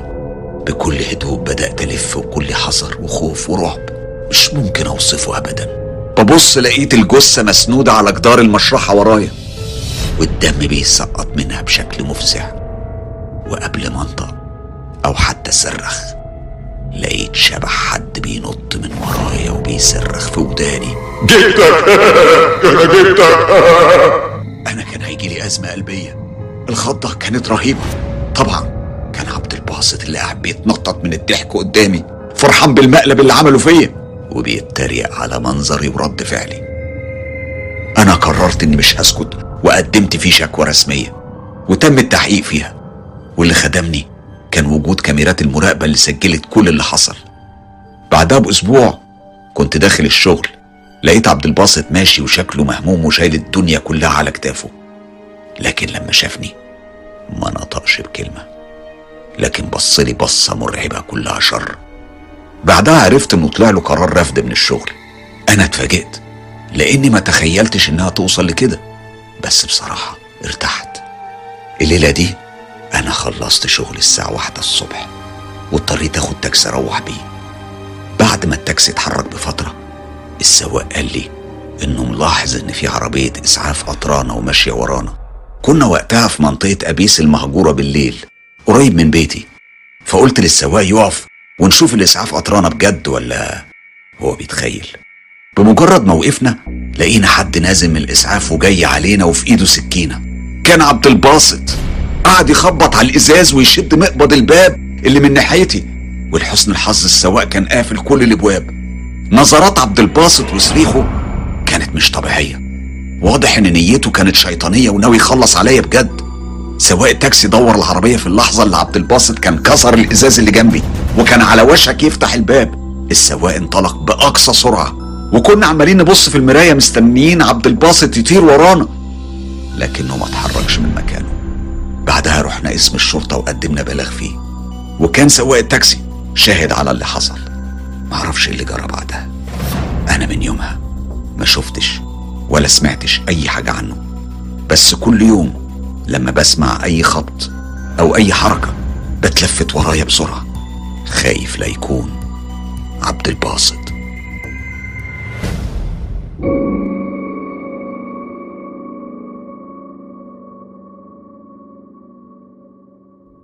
اللي حكى لنا الحكاية دي هو سامي فه جيم. وأنا هحكيها برضو كالعادة بنفس الكلام اللي هو بعته حرفيا. كل اللي عملته هو إعادة صياغة. سامي بيقول أنا رحت أزور أخويا وأقعد معاه أسبوع في القاهرة. سلامة أخويا بيشتغل دكتور في مشرحة العاصمة. وللأسف أول ما وصلت كان جاله تليفون إنه هيغطي نبطشية الليلة لأن زميله والدته توفت ومش هيقدر يجي الشغل. سلامة قال لي بقول لك إيه؟ تعالى قضي الليلة معايا وما تخافش مفيش حاجة تخوف هناك. وأنت كمان هتقعد في المكتب وتتفرج على التلفزيون. ويا عم هات معاك قصة تقراها. أهي تجربة جديدة في عالم جديد. هو كان عارف إني دودة كتب وبحب القراية جدا. أنا فكرت كتير في الموضوع وفي النهاية قلت لنفسي هو إيه يعني اللي هيحصل. وأنا كان بصراحة نفسي أعيش التجربة دي لأني قريت كتير عن عالم الأرواح والمشرحة وتجارب الموت. فكانت فرصة أشوفها عن قرب. لما رحت هناك كنت ندمت على قراري. المكان كان موحش وكئيب وفي ريحة رهيبة نفاذة جدا. أنا ما رضيتش أقول لأخويا على مشاعري دي بس هو حس إني ماسك نفسي فقال لي ده طبيعي دي ريحة فورمالين بنستخدمه هنا على طول. شوية وهتتعود. وقعد يضحك. بعدها قعدنا نتكلم ونحكي وافتكرنا ذكريات الطفولة والقصص المرعبة اللي كنا بنحكيها عن المشرحة.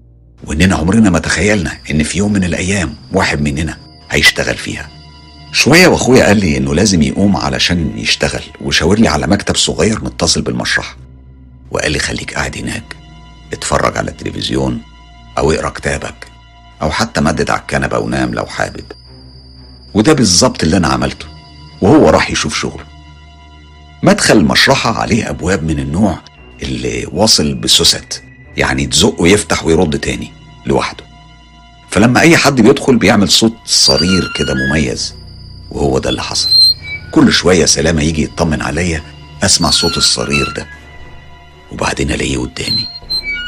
فضلت فترة ما بين قراية الكتب ومتابعة التلفزيون كام ساعة كده لحد ما رحت في نوم عميق. شوية وصحيت على صوت صرير الباب.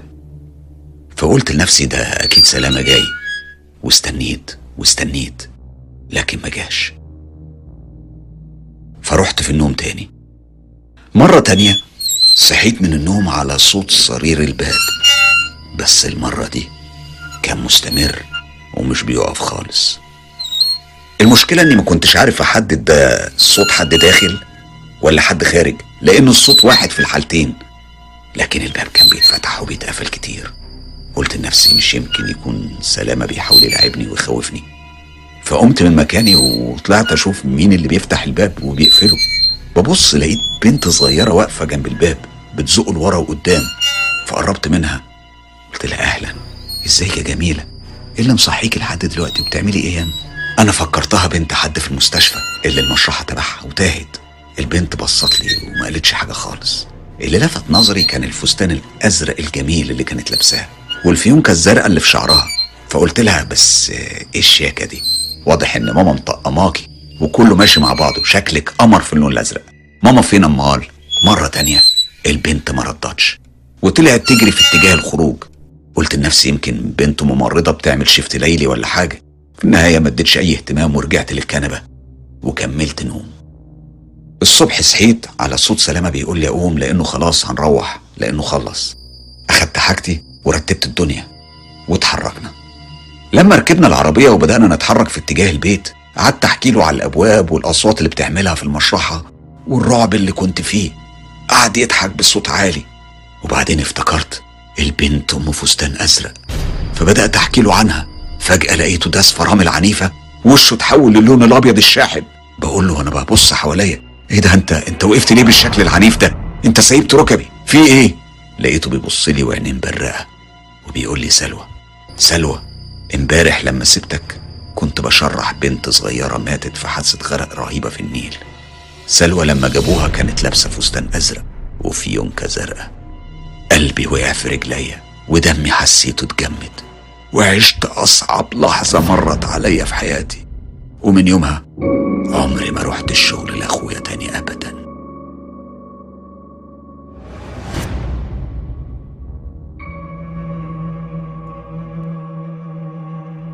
القصة دي حصلت لي من حوالي سبع شهور. أنا اسمي خالد طالب في كلية الطب في رومانيا لأن مجموعي ما دخلنيش طب في مصر. للأسف. ولأني مش عايز أتقل على أهلي في مصر بمصاريف زيادة وافقت إني أشتغل في مشرحة الكلية هناك. جنب الدراسة وقلت أهي فرصة أتعلم على الطبيعة وأنا بشتغل. كلها خبرات هتساعدني في المستقبل. لما حكيت لزمايلي المصريين وكمان الرومانيين عن الوظيفة اللي هشتغلها حاولوا يخلوني أغير رأيي. وقعدوا يحكوا لي عن القصص المرعبة المرتبطة بالمشرحة والرعب اللي بيحصل هناك. لكن بصراحة ما فرقش معايا كلامهم. أنا أصلا مش بصدق بحكاية العفاريت بتاعت الميتين والرعب والظواهر الغريبة اللي مش طبيعية. الكلام ده كله ما كانش بيدخل دماغي أبدا. لحد ما عشت بنفسي تجربة حابب أحكي لكم عليها النهاردة. لأنها غيرت مفاهيمي تماما. في ليلة كنت شغال متأخر. الساعة كانت حوالي اتنين الصبح لما وصلتني جثة الميت فريش. لسه واصلة وبالفعل استلمتها وبدأت أشتغل عليها. فجبت دفتر التقارير وبدأت أيد الملاحظات الأولية.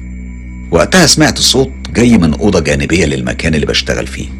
أنا استغربت لأني عارف إن مفيش حد موجود غيري في المكان غير حراس الأمن. ودول مكانهم تحت بعيد عن المكان اللي أنا فيه قلت لنفسي تخيلات يمكن أنا تعبان. وكملت شغل. بعدها بأقل من دقيقتين لقيت نفس الصوت مرة تانية. فقررت أروح أستكشف وأشوف الصوت ده جاي منين. لما دخلت الأوضة الجانبية لقيت حلتين على الأرض. الغريب في الموضوع إنهم كانوا جنب بعض بشكل مستحيل يحصل إلا التدخل من طرف تاني. لأن حطتهم على الأرض كانت متساوية ومتوازية. يعني مش ممكن يكونوا وقعوا بالشكل ده أبدا. هنا قررت أرفعهم وأحطهم على الرف اللي المفروض يكونوا عليه. ورجعت أشوف شغلي مع الجثة اللي كانت لسه واصلة. اتفاجئت إن وش الجثة لف من مكانه وكان بيبص لي. طبعا الرعب اتملكني والعرق البارد غرقني. وللحظات ضربات قلبي كانت بتضرب بشكل سريع وعجيب. لكني افتكرت إننا في الدراسة علمونا إن دي بتكون عضلات الجسم بتعمل تشنجات وحركات. فرحت رجعت وش الجثة لوضعها الأولاني ورجعت أكتب ملاحظاتي. بعدها بحوالي عشر دقايق سمعت صوت تاني في الأوضة اللي كان فيها الحلل. لكن المرة دي زي ما يكون حد بيسحب حاجة. هنا قلت لنفسي لا كده بقى حد بيعمل فيا مقلب ورحت الأوضة تاني بسرعة لكن برضو ما كانش فيه أي حاجة.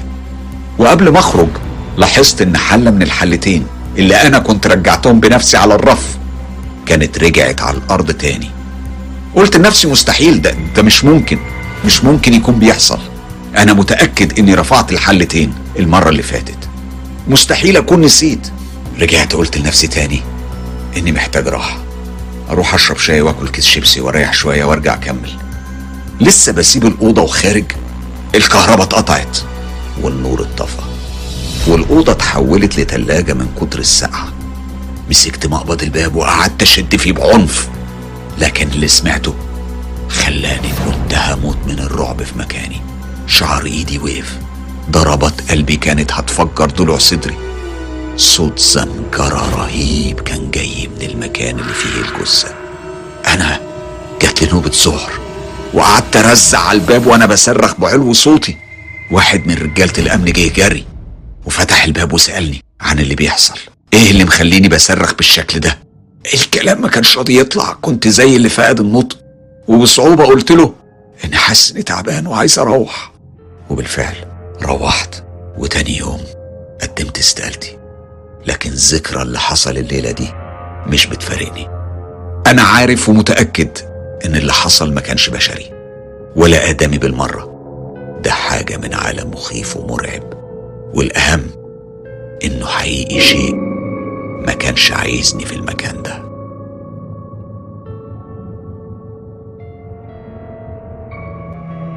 الحكاية دي بيحكيها أخصائي طب شرعي في مشرحة في مدينة في صعيد مصر. اسمه صديق واو لام. بيحكي عن واقعة حصلت سنة 2020 وتحديدا يوم 5 إبريل. لما بروح الشغل ببقى عادي يعني شغل زي أي شغل. مشرحة بقى مكتب شركة مش فارق معايا. كله شغل. ما بفكرش في اللي هشوفه وهتعامل معاه. كلها جثث. وعمري ما بخلي مشاعري تتدخل في اللي بشوفه ابدا. أنا بنفذ المطلوب مني وخلاص. وكمان غير كده أنا ما أعرفهمش أساسا. فمش بيفرق معايا زيد ولا عبيد اللي بشتغل عليه. لكن بالرغم من كل ده في موقف واحد بس ويوم واحد مش بنساه ابدا. ودايما لازق في دماغي. ما بيفارقهاش أنا عملت عمليات تشريح كتير جدا لدرجة إني ما أقدرش أعدها من كترها. لحد ما جه اليوم اللي كنت خايف منه ومش عايز أعيشه. تشريح جثة طفل الطفل كان عمره حوالي ثلاث سنين. المنظر كان صعب جدا ومؤلم. المهم اشتغلت عليه وكنت خلاص بقفل الوضع النهائي. فسمعت واحدة واقفة ورايا بتعيط. أنا خمنت على طول إنها أمه. طبعا كان ممنوع إنها تكون موجودة في قاعة التشريح. فسألتها أنا آسف بس أنت إزاي دخلتي هنا؟ استنيت الإجابة لكنها لفت وخرجت ومشيت من القاعة. بعدها بدقايق دخل عمال المشرحة بجثة تانية على النقالة ورفعوها وحطوها على ترابيزة التشريح وسابوها ومشيوا. أنا قلت لنفسي إيه اليوم الرهيب ده؟ الشغل ما بيخلصش. رحت رفعت الملاية البيضة من على وش الجثمان وكانت صدمتي. لما لقيت نفس الست اللي كانت واقفة بتعيط من شوية. كنت هتجنن لكني فسرت الموقف إنها كانت روح أم الولد وكانت جاية تطمن عليه. لحد النهاردة محدش مصدقني ولا مصدق قصتي. بس أنا عارف كويس أنا شفت إيه. دي كانت تجربة غريبة بس بصراحة كانت مرعبة بشكل مش طبيعي وعمري ما قدرت أنساها من سنين طويلة. أنا اشتغلت في مشرحة وبالمناسبة أيامها كانت آخر مرة أشرب فيها حشيش في حياتي. المهم في يوم من الأيام وأنا رايح الشغل عديت على الناصية اللي بشتري منها الحشيش. بس الراجل اللي كنت بشتري منه ما كانش موجود. لما سألت دخلوني في حتة اسمها الوراقة وهناك اشتريت خابور حشيش من واحد تاني كان شكله غريب. بس أنا قلت لنفسي ما كلهم ملكر واحد هيفرق شكله معايا في إيه؟ وبالصدفة ده كان أول يوم ليا في الشغل بعد ما كملت التدريب. طبعا كانت أعصابي مشدودة لأني هكون لوحدي خالص في المشرحة. كنت بكره ريحة المكان كانت شديدة قوي ومميزة. وطبعا مرتبطة بحاجات محدش بيرتاح لها. لما وصلت لقيت جثث كتير مترصصة وكأنهم مستنيني. المهم اخترت جثة أبدأ بيها الشغل. وفي عز ما أنا شغال لفيت علشان أجيب واحدة من الأدوات اللي بنستخدمها في التشريح. وقتها سمعت أنين طالع من ورايا. ما كنتش متأكد ده صوت ريح طالع من جثة من الجثث. أصل أحيانا الميت بيبقى لسه جواه هوا وبيخرج بشكل أصوات غريبة. لا وكمان ممكن الجثة تتحرك بعض أعضائها بشكل تلقائي. لما لفيت لقيت الراجل اللي كنت بشتغل عليه عينيه فتحت وكان زي ما يكون بيبحلق لي. أنا تنحت في مكاني وقلت لنفسي لا لا لا ما تقلقش ده شيء عادي أنا المفروض ما أقلقش. في الوقت ده كانت الدنيا بدأت تليل. وكمان بدأت تشتي. أنا عارف إن الكلام ده يبدو زي قصة رعب كلاسيكية بس بأمانة هو ده بالظبط اللي حصل. المهم أنا قلت لنفسي إني محتاج راحة. رحت وقفت جنب الشباك وطلعت كيس شيبسي وقعدت آكل فيه. وأنا سرحان شوية سمعت صوت غريب في الممر. قلت لنفسي يا دي النيل على اليوم الأسود ده. ورحت أشوف فيه إيه؟ لكن الصوت اتكرر وخلاني اتجمدت في مكاني. لأني افتكرت إني هنا لوحدي ومفيش حد معايا. بالراحة قربت من الباب وبصيت في الممر. لقيت جثة واقفة في آخره. مرة تانية أنا اتجمدت في مكاني. الوضع كان عامل زي فيلم رعب. كل اللي ناقصه حد يقول لي اجري. بس أنا الرعب كان مخليني مش عارف أتحرك. الجثة كمان بدأت تتحرك في اتجاهي. وأنا قعدت أرجع لورا. أرجع لورا وأرجع لورا. وبدأت أدعك عينيا بإيديا. عشان أتأكد إني شايف الكلام ده بجد ومش بتخيل. لما فتحت عيني الجثة اللي كانت بتتحرك في اتجاهي اختفت. أنا فضلت واقف في مكاني. كنت سابع الأبواب اللي في مبنى المشرحة كلها عمالة تتفتح وتتقفل بشكل غريب. ومعاها صوت ضحك هستيري مش طبيعي. طلعت أجري بأقصى سرعة وطلعت على مكتب المدير وحكيت له على اللي حصل. بص لي باستغراب الأول. وبعدين انفجر في الضحك. أنا قلت له إني مش هدخل المشرحة لحد ما يفتشها ورحت استنى في العربية بره. بعدها رجع لي. وخبط لي على شباك العربية. أنا اتفزعت من الخبطة. أعصابي كانت لسه مشدودة. وفتحت له. لقيته بيقول إنه فتش المشرحة كلها. وما سابش مكان ما دورش فيه. وإنه ما لقاش أي حاجة مش طبيعية. بيتهيألي يمكن اليوم ده أنا كنت عامل دماغ حشيش جامدة بس اللي أنا متأكد منه مشاعر الرعب اللي عشتها كانت مشاعر حقيقية ومرعبة جدا. ومن يومها بطلت الحشيش. وكمان بطلت أشتغل مع جثث ميتين.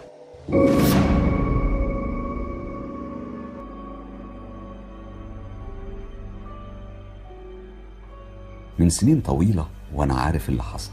بس عمري ما لقيت له تفسير بالرغم من إن كل الجرايد وقتها كتبت وحللت وشرحت إلا إن الموضوع برضه ما كانش بيقنعني لأني كنت قريب قوي من الحادثة وقت حصولها. الحكاية إن واحدة من جيراننا كانت طالبة في كلية طب طنطا. كانت عادية مش متفوقة قوي ولا ضعيفة قوي عادية يعني. بس كان كل مشكلتها في دراسة الطب مادة التشريح. والسبب إنها كانت دايما بتسقط فيها لدرجة إنها وصلت للسنة النهائية وهي شايلة المادة. جربت كل حاجة ومفيش فايدة. الموضوع كان دايما بيوصل معاها بطريق مسدود والوضع ده كان خانقها جدا. لحد ما في يوم حد من أصحابها اقترح عليها حل غريب شوية. قال لها إن مشرحة الكلية اللي موجودة على الطريق جنب الكلية بيشتغل فيها حارس اسمه عبده بس بينادوه حضرموت. الحارس ده حسب كلام صاحبتها بياخد فلوس من الطلبة. وبيخليهم يدخلوا المشرحة يتدربوا على الجثث وساعات ممكن يجيب لهم أجزاء من الجثث نفسها بعد ما تدفن لأنه بيعرف كتير من النباشين وكله بحسابه. جمجمة إيد رجل أي حاجة. حتى السنان ما عتقهاش كان بيبيعها لطلبة طب أسنان. صاحبتها قالت لها بصي مش هتخسري حاجة غير فلوس. وهي الفلوس بتروح وبتيجي. المهم تنجزي وتخلصي من المادة الرخمة دي. كفاية كده ده انت المفروض هتتخرجي السنة دي. المهم هي ما كدبتش خبر وخدت تليفون عبده اقصد حضرموت واتصلت بيه ورتبت كل حاجة على أساس بدل ما تاخد أجزاء من الجثث البيت وتعمل قلق وإزعاج هي تروح المشرحة بعد الكلية وتتدرب هناك. وهو بالمرة ما تضطرش إنها تشتري بالمبلغ كله. كفاية على حضرموت نص الأجرة. ما هو هيديها لحد تاني من الطلبة بعد كده. يوم الاثنين وبعد ما خلصت السكاشن والمحاضرات اللي وراها خرجت من الكلية. وبدل ما تروح حودت على المشرحة. لقت حضرموت مستنيها على الباب ومجهز معاه كيس أسود وشنطة صغيرة لونها بني غامق بس شكلها قديم قوي ومتقطعة. واضح إن الزمن كل عليها وشرب. أهلا يا دكتورة.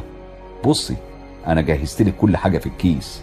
هتلاقي رجل ست كبيرة لسه مفيصة النهارده. طازة والله علشان خاطر عيونك وتوصية الدكتورة زهرة. أما الشنطة دي ففيها مشارط وإبر وكل اللي هتحتاجيه في الشغل. مش بس كده أنا فضيت لك ترابيزة جوه في ركن هادية بعيد شوية عن اللي ودعه علشان ما تتضايقيش من الريحة وزودت التلج. لو في أي حاجة ناديني. هوا هتلاقيني قدامك. شكرا يا عم حضرموت كتر ألف خيرك. وخدت الحاجة منه وادته اللي فيه النصيب ودخلت المشرحة. جوه الدنيا كانت منظمة جدا زي ما قال لها. على اليمين كان في حوالي ثلاث جثث متغطية وعلى شمالها كان جثة واحدة وترابيزتين فاضيين. أما في آخر المكان جوه جنب الحيطة كان في ترابيزة فاضية وجنبها كشاف متعلق من السقف كأنها ترابيزة عمليات وقدامها كرسي عالي بحيث تقعد وهي بتشتغل.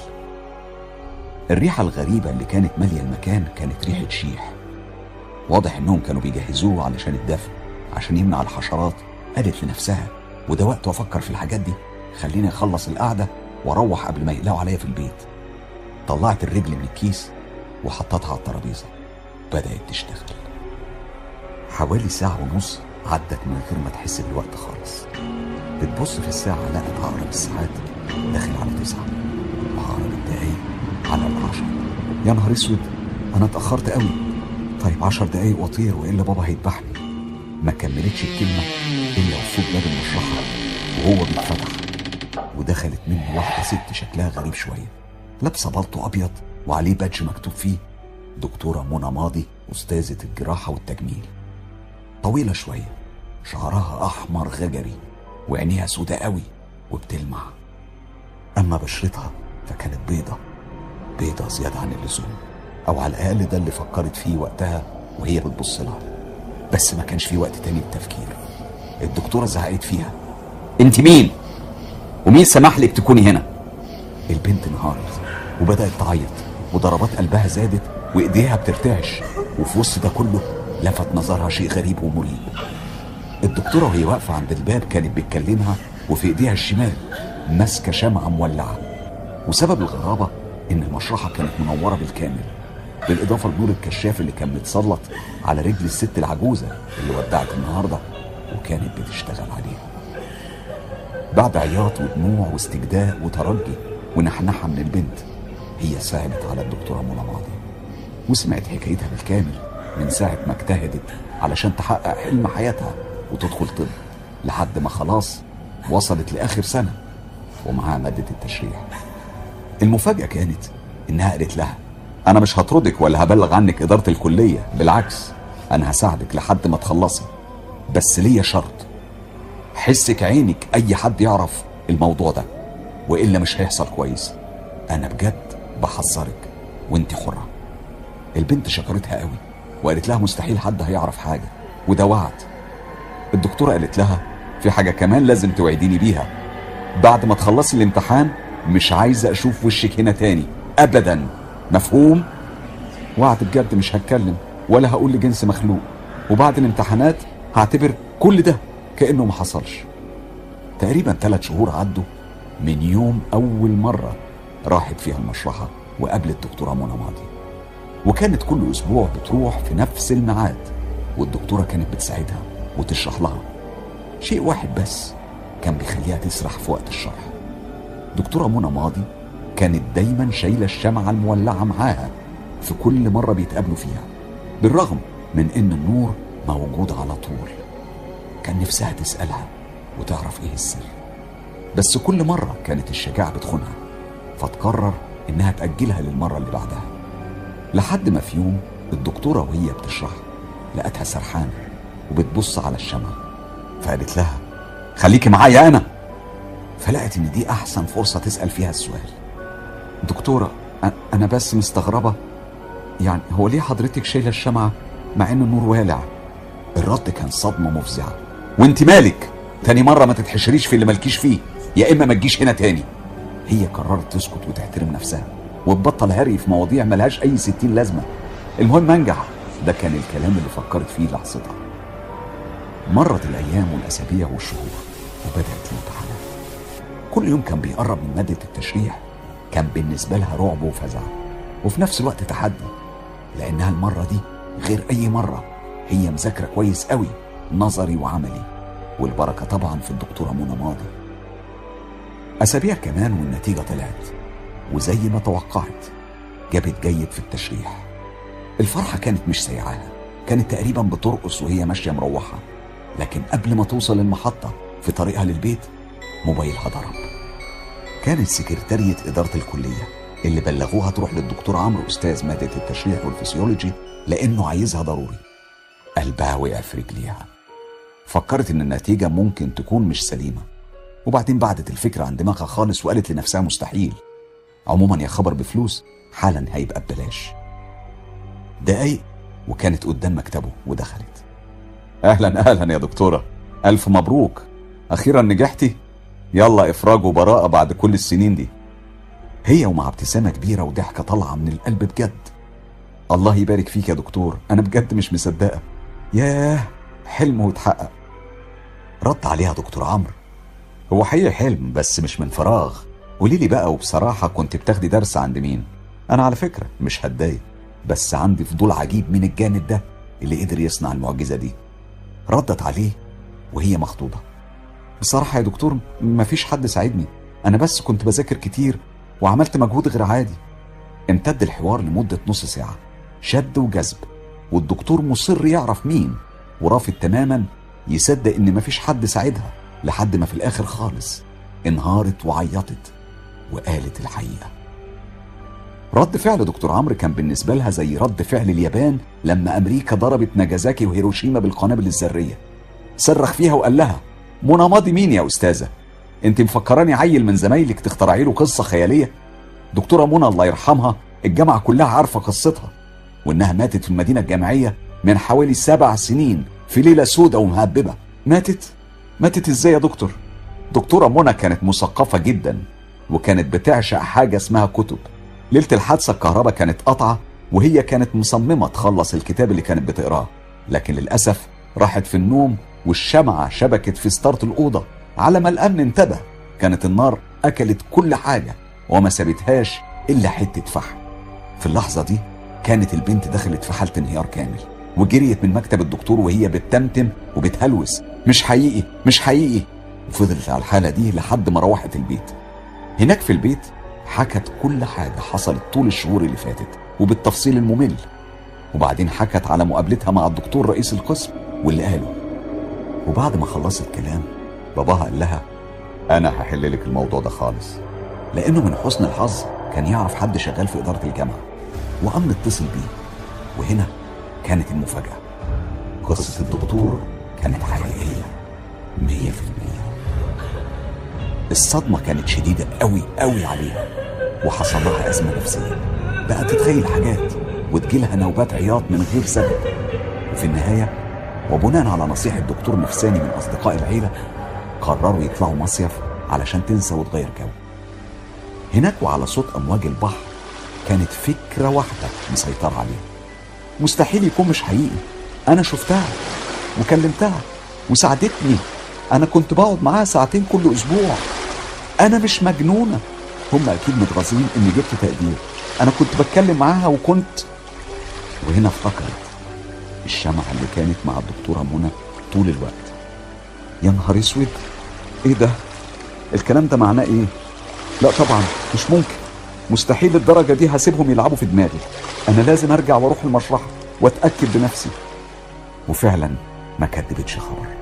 بعد ما الأجازة خلصت ورجعوا خدت في بعضها وراحت الجامعة ومن هناك طلعت على المشرحة. حضرموت كان قاعد على الدكة بره زي عوايده وكان حاطط براد شاي على شوية حطب مولعين والمية كانت بتغلي. إزيك يا دكتورة؟ ألف مبروك على النجاح. وهو بيضحك من ورا صف أسنان معظمه أصفر ومكسر. إيه كلتي عليا الحلاوة؟ من غير تفكير حطت إيديها في الشنطة وطلعت ورقة ب 200 جنيه. حطتها في جيب القميص وقالت له عايزة منك خدمة أخيرة. أنت تأمري يا دكتورة بس النهاردة مفيش زباين محدش ودع لسه. ما تشغلش بالك أنا مش محتاجة حاجة غير إني أقعد شوية لوحدي جوه وما تخليش حد يدخل كل اللي محتاجاه نص ساعة. ولو إن طلبك غريب لكن ماشي كلامك يا دكتورة. في لحظات لقت نفسها قاعدة في نفس الركن اللي ما اتغيرش كتير غير إن الكشاف اتشال من مكانه وباقي الترابيزات كانت موجودة بس فاضية. الدقايق عدت عليها كأنها سنين. وبعد عشرين دقيقة الوضع زي ما هو. سكون تام. قالت لنفسها خمس دقايق كمان وامشي. بعد ما خلصت الخمس دقايق فعلا بدأت تستعد للمشي. وهي بتشيل شنطتها من على الترابيزة وقع منها الموبايل. بتوطي تجيبه. لقت جزمة طبية بيضة عليها نقط دم بترفع عينيها لقت نفس الشعر الأحمر الغجري ونفس البياض الشاحب والعينين السودة بس المرة دي كانت كلها غضب وضيق شديد والأهم نفس الشمعة في الإيد الشمال. قبل ما تنطق وترد سمعت الدكتورة منى بتصرخ في وشها. أنا مش قلت لك ما تجيش هنا تاني؟ يا دكتورة أنا نجحت. لما أقول ما تجيش يعني ما تجيش. يا دكتورة أنا جبت تقدير جيد وكنت عايز أشكرك. برضه تشكريني. أنت إيه مش بتفهمي خالص؟ دكتورة أصل حصل حاجات غريبة. وأنا تعبت نفسيا وبابا وداني لدكتور نفساني. الدكتور رئيس القسم زنقني واضطريت أقول له على الحقيقة. بس هو والطلبة في الجامعة بيقولوا حاجات غريبة. تصدقي؟ بيقولوا إنك إنك متي واتحرقتي و...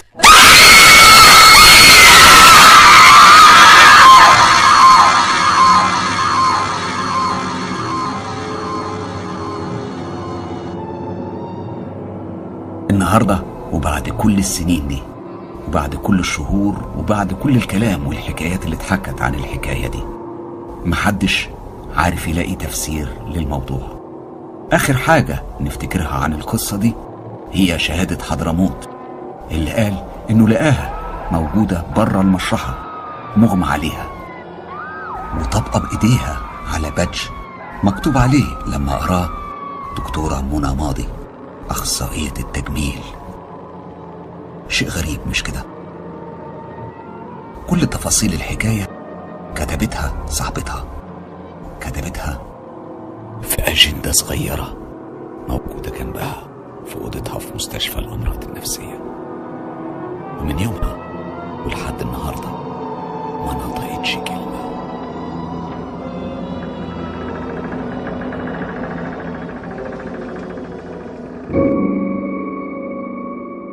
اللحظات المرعبة مستمرة دايما على قناة مستر كايرو كل أسبوع وتحديدا خمس مرات أسبوعيا. بقابلكم فيها بقصص جديدة ومرعبة. ما تنسوش لو عندكم تجارب مرعبة حقيقية وحصلت فعلا ابعتوها على الصفحة الرسمية للإعلامي حسام مصباح على فيسبوك أو من خلال موقع صراحة أو تطبيق تليجرام الروابط كلها موجودة في خانة الوصف وما تنسوش الاشتراك. في جروب تجربة رعب مستر كايرو للحصول على كل الحصريات. كمان صفحة هستيريا قصص رعب على فيسبوك فيها كل اللي عايزين تعرفوه عن قناة مستر كايرو. ما تنسوش لو حابين تدعموا مستر كايرو ادعموه بالاشتراك في القناة والإعجاب بالكليب لو عجبكم. والأهم share فيه واتساب ماسنجر فيسبوك إنستجرام. خلي الدنيا كلها تعيش تجربة مستر كايرو.